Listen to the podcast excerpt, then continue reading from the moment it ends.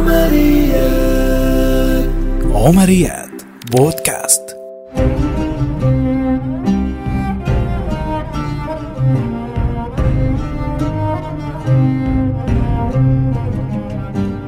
في العام 2011 على ما أذكر شاهدت مسرحية مغناة كان بطلها شخصية تاريخية كانت هذه هي المرة الأولى التي أسمع عنه فيها. هو السلطان العثماني عبد الحميد الثاني. وقع تأثير هذا العرض علي أيما تأثير. فرحت مقتنيا كتابا تناول سيرته قرأتها بنهم شديد وعيناي تذرفان الدموع ثم قررت أن يبقى تاريخه وذكره مربوطا في طيلة الوقت. فعدلت على توقيع الفوتوشوبي المختصر بالحرف الأول من اسمي وأضفت له الرقم اثنين. ليكون اختصار الاسمين معا عمر وعبد الحميد ويزينهما ترتيب السلطان التاريخي. الرقم اثنان. ثم ترتب على مشاهدة هذا العرض أمور مفصلية أخرى في حياتي لا داعي لذكرها الآن. لكن في خلاصة الأمر هذا ما تفعله الرموز بالإنسان. كيف يؤثر وجود الرموز والأيقونات على مسيرة الشعوب؟ وكيف ساهمت القائمة المشتركة بإضعاف الرموز لدى فلسطيني الداخل أحدثكم قليلا عن غاندي وأشياء أخرى. تدوين بعنوان كيف تزرع البذرة الوطنية في جيل جديد؟ أنا عمر أبو سيام وهذه عمريات بودكاست. عمريات.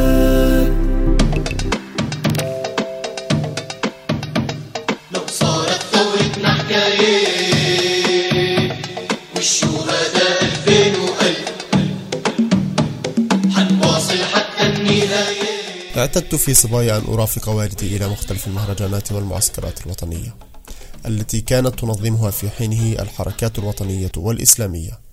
نشأت أردد ما تردده البيئة المصغرة من حولي الكثير من الوجوه التي اعتدت رؤيتها عشرات الأغاني لعلها لا تزال عالقة في رأسي حتى الآن.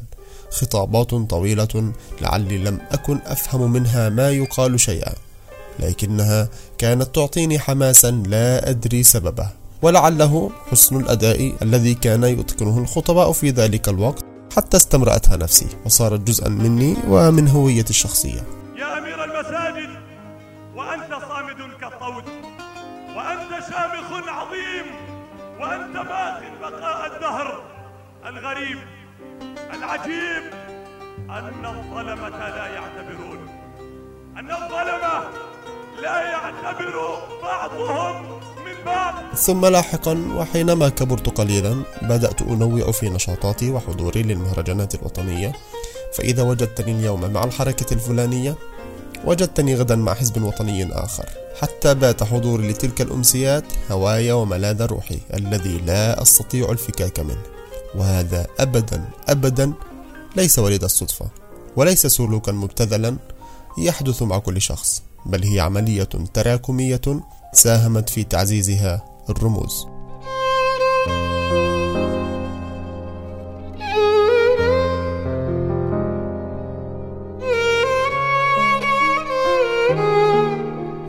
ما هي الرموز التي أعنيها؟ الرموز يا صديقي هي عبارة عن شخصيات وقادة كان لهم الأثر الكبير في صراع الشعب وفي حالتنا فالمقصود هو الصراع العربي الإسرائيلي هذه الرموز قادت إلى عدم الرضوخ والتسليم والاستسلام وقد دفعت على ذلك ثمنا باهظا ربما كان حياتها أو حريتها أو صحتها وغير ذلك. ما ضرورة ذلك؟ الضرورة تكمن في القضية لا في الأشخاص. ذلك أن الحق يؤخذ بالقوة والمطالبة ولا يمنح أو يعطى بهذه السهولة. وهذا المفهوم مهم جدا. ومن شأن الرموز أن تختصره علينا وتبسطه أكثر مما نتخيل للأجيال المتعاقبة. حينما تمكنت الحركة الصهيونية من بلادنا وباشرت في احتلالها قامت بما لم يقم به أي احتلال في التاريخ من حيث الكيفية في تطبيق الاحتلال فكانت إذا فرغت من قتل أو تشريد أجدادنا من بيوتهم وقراهم التي أنشأوا فيها حضارتهم ومعالمهم هدمت المكان وسوته بالأرض. وفي أغلب الأحيان تبني مكانه بناء جديد ثم تغير اسم المكان بشيء شبيه أو قريب وقد لا يشبه الاسم الأصلي بتاتا. ومسألة تغيير الاسم هذه مسألة خطيرة جدا وهي ما يعرف إعلاميا بالتهويد. راهنت جولدا مائير في مقولتها المشهورة الكبار يموتوا والصغار ينسوا على مسألة طمس الرموز وإخفائها. وإن استعملها الناس من أجل أن يشددوا على عدم النسيان فإنني أستعملها للاستدلال على أهمية الرموز في كل الحركات والشعوب الأرضية. ومسألة تغيير الاسم هي واحدة من أشكال طمس الرموز وردمها بالنسبة لشعب ما. يلاحظ المهتم والمتابع للشأن الفلسطيني في الداخل افتقاره للأحزاب والنشاطات السياسية في السنوات الأخيرة. فقبل أعوام كانت الساحة السياسية زاخرة بخمسة أو ستة أحزاب سياسية فاعلة وبارزة هي الحزب الشيوعي حزب التجمع الوطني حركة أبناء البلد الحركة الإسلامية بشقيها والحركة العربية للتغيير وحركات أخرى صغيرة. كانت الأهمية الكبرى والأساسية باعتقادي لهذه الأحزاب هو التذكير الدائم والمستمر بالرموز الوطنية. والتي اختلفت باختلاف الإيديولوجية الحزبية لكل حزب وحزب. فعلى سبيل المثال اتخذ الحزب الشيوعي الثائر الإرجنتيني تشي جيفارا رمزا له واتخذ التجمع الوطني وحركة أبناء البلد الرئيس المصري جمال عبد الناصر مرجعا لهم. فيما اتخذت الإسلاميتان الشيخ حسن البنا وسيد قطب مراجع ورموز دالة عليهم.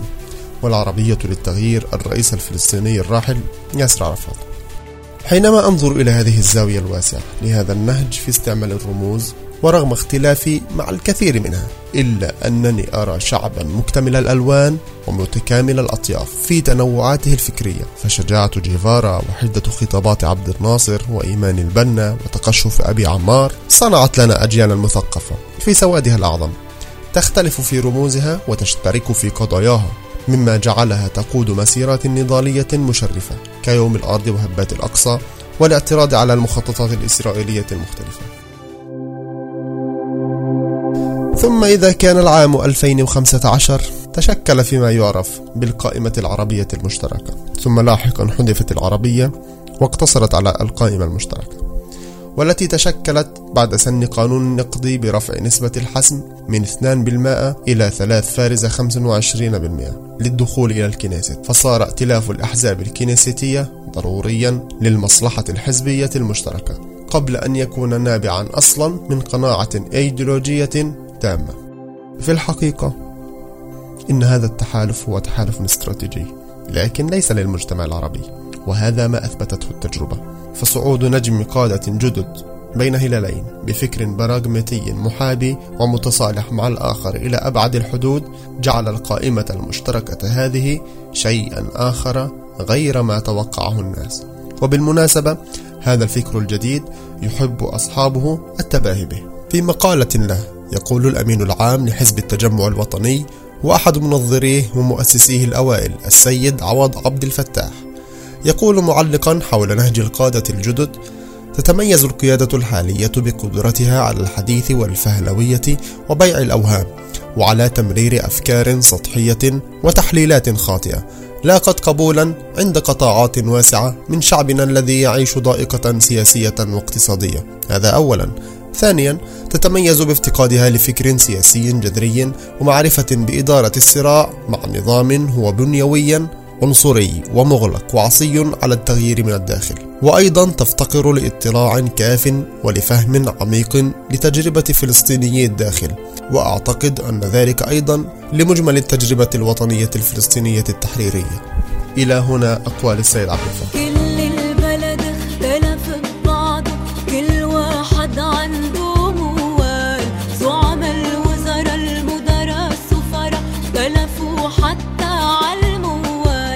ومن هنا برز أعظم شرخ في مسيرة المجتمع الفلسطيني بالداخل حسب رأيي وهو انحسار وانعدام الأطر والأحزاب السياسية التي تذكر دوما بالرموز وأيقونات النضال ذلك أن الأحزاب السياسية الحالية مع شديد الأسف انحصر نشاطها تقريبا في الكنيست وصار تقييمهم لأنفسهم وأحزابهم مرهونا بأرقام الناخبين. وليس بمن هو أكثر نشاطا في ميدان الوعي والنضال الجماهيري في الشارع كما كان رائجا فيما مضى. هناك من جادل أن من حق هذا الجيل من القادة الجدد أن يتمرد على نهج المؤسسين أو أن يجدد الطريقة بادعاء أن نهج القادة السابقين اتسم بالتحدي. وأطروحاتهم استفزت النظام الإسرائيلي وجعلته يتجه نحو التطرف والراديكالية أكثر وبات أكثر عدائية ضد فلسطيني 48 إذا ووفق هذا النهج فإن بوصلة ومرجعية هذه القيادة الشابة الجديدة تتغذى من مدى قبول أو رفض النظام الإسرائيلي للمشاريع التي تهمنا بالفعل. فإذا وافق المشروع هو المؤسسة نفذناها وسرنا بها. وإلا فإن ذلك المسار عقيم. ماشي الحال وتعودنا ما في رجال تحمي بلدنا ديون ومال. ومن هنا يأتي دورنا كمجتمع عربي. أهالي ومؤسسات شعبية مدارس ومربين إعلام محلي وصناع محتوى وغيرهم من الشرائح على اختلافها في سد الفجوة التي صنعتها المشتركة بعد وأد نشاط الأحزاب. من حيث التثقيف وزرع هذه البذرة الوطنية داخل الجيل الجديد الذي إن لم نتداركه سيخرج لنا جيل مشوه في هويته مأزوما في تطلعاته متماهيا مع ما هو ضد ثوابته ومبادئه. وهذه هي أهم النصائح التي أقدمها للأهالي والمدارس وأصحاب التأثير كل في موقعه أولا ضرورة إشغال الحواس الخمس لبناء الرموز هو أمر لا بد منه. فلا تستهن بتعليق صور الرموز الوطنية في الأماكن التي تصل إليها العين كثيرا سواء كان ذلك في البيت أو في المدرسة أو المؤسسات المختلفة. ثم إن مسألة تسمية الشوارع أو المؤسسات أو المجموعات باسم من أسماء أحد الرموز هو أمر ضروري جدا هذا من شأنه إثارة التساؤلات في عقل المشاهد واعتياد العين على قدسيته وأهمية هذا الرمز.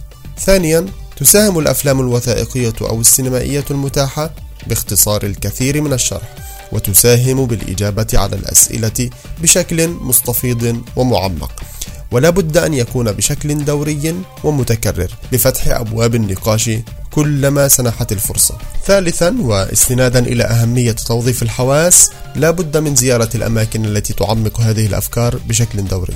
وزيارة القرى المهجرة على سبيل المثال أو المساجد أو الكنائس التي تعرضت للنهب هو أمر ضروري ولنجعلها جزءا من الرحلات الاعتيادية التي نقوم بها كعائلات أو كمدارس. في هذه الفعاليات ضرورة الشرح واجبة والاستعانة بمصادر مثل جوجل أو تطبيق نكبة على الهاتف ليست بالصعبة.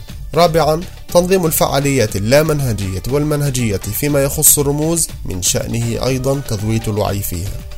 ومن شأنه أن يثير الإعجاب بالشخصيات والرموز المطروحة للنقاش.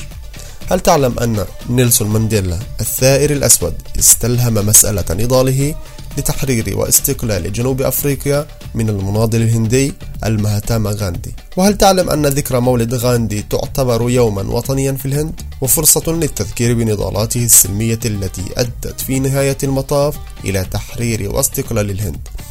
هذا لا يأتي في يوم وليلة هذه مسيرة شعبية وعمر المسيرات الشعبية يحتاج إلى طول نفس وإلى تكرار وسيرورة وتراكم من أجل أن تقطف ثمرتها. خامسا أحد أساليب التكرار الفعال هو الأغاني والموسيقى الشعبية ورسوخها في النفس والعقل مع الخليط الثقافي الذي تكلمنا عنه آنفا سيسرع من هضمها في الدماغ والعقل اللاواعي وبالتالي صبها بقالب من ذهب داخل العقل والشعور لا يصدأ ولا يفنى مع تقادم الأيام. سادسا تصوير مقاطع الفيديو في الرحلات التي تصل إلى القرى المهجرة أو الأماكن التاريخية ونشرها عبر وسائل التواصل الاجتماعي هذا العصر هو عصر زاخر بالتقليد بشكل كبير وهذا النوع من التقليد محمود بل ومطلوب جدا سابعا المشاركة في النشاطات الوطنية المختلفة والتي عادة ما تدعو إليها لجنة المتابعة وبالتالي تلبية الدعوة للمشاركة في يوم الأرض أو إحياء ذكرى هبة القدس والأقصى أو مسيرة لحدث ما هو مطلب لأولادك وأقربائك من الجيل الصغير قبل كل شيء. هنالك الكثير من الأفكار التي من شأنها أن تحفز وتذوت الرموز في نفوسنا ونفوس أبنائنا. فحتى نحن نحتاج إلى من يذكرنا دوما برموزنا الشعبية والوطنية وإلا سنصاب بالفتور وضعف الهمة وإنه لأضعف الإيمان أن ننقل ما وصلنا من إرث ومعاناة ومأساة من أجدادنا إلى أبنائنا ليحملوا هم الراية دون أن يفرطوا ويتعرضوا لتشويه الحقائق الذي تمارس وسائل الإعلام المختلفة الإسرائيلية وغير الإسرائيلية. أخيرا حملت الشعوب المقهورة على مر الزمان قضاياها واهتمت بنقلها من جيل إلى آخر. وهذا بحاجة إلى جهد مشترك وجماعي. وفي حالتنا وزماننا المتسم بالفردية البعيدة عن الاجتماع واجب الفرد بات أكبر وأكثر اتساعا بنقل الإرث إلى أبنائه ممن هم من الجيل الجديد. وبات التحدي أكبر خاصة في ظل بحر المعلومات الذي لا عمق له. وكلما أبحرت في ظلماته أكثر ازددت غرقا وتشرذما وتشتتا أكثر فأكثر. وصارت فرصة الإغواء والإلهاء عن القضية الأساس أكبر وأكثر شراسة. وكما أقول دوما معركة الوعي هي أشد المعارك ضرامة وأكثرها خطورة. وهنا يكون دورنا. أتمنى أن تكون هذه الخلاصة قد أفادتكم. يسعدني أن تنشروها. وترسلوها لمن تظنون أنها ستفيده. وإلى لقاء قادم في عمرية قادمة في الأسبوع المقبل. في أمان الله. عمريات. بودكاست.